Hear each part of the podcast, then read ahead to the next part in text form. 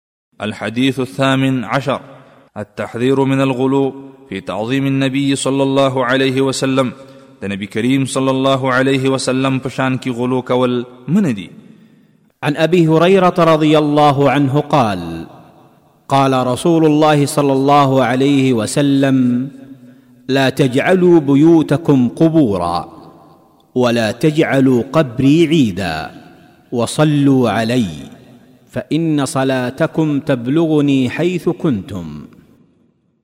د ابو هريره رضي الله عنه څخه روايت دی فرمايي نبي کريم صلی الله عليه وسلم فرمايلي دي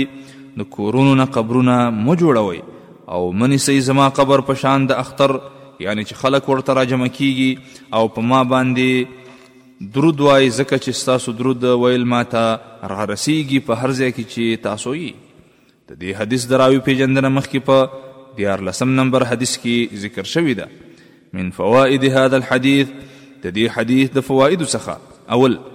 باید په کورونو کې نفل المنزونه او د الله تعالی ذکر دعاګانې او همدارنګه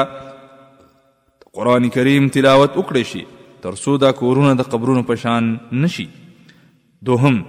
دا حدیث امت مسلمه د دینه منع کوي چې د نبی کریم صلی الله علیه وسلم په قبر باندې دا سراجم شي لکه څنګه چې په اخترونو کې راجم کیږي ځکه چې په دې کې ډیر تکلیف وي او همدارنګه بعضی خلک د نبی کریم صلی الله علیه وسلم په تعظیم کولو کې د حد نه تجاوز او زیاته هم کوي دریم